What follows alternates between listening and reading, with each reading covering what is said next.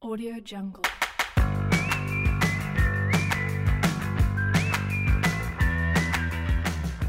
Halo guys, selamat dengar podcast.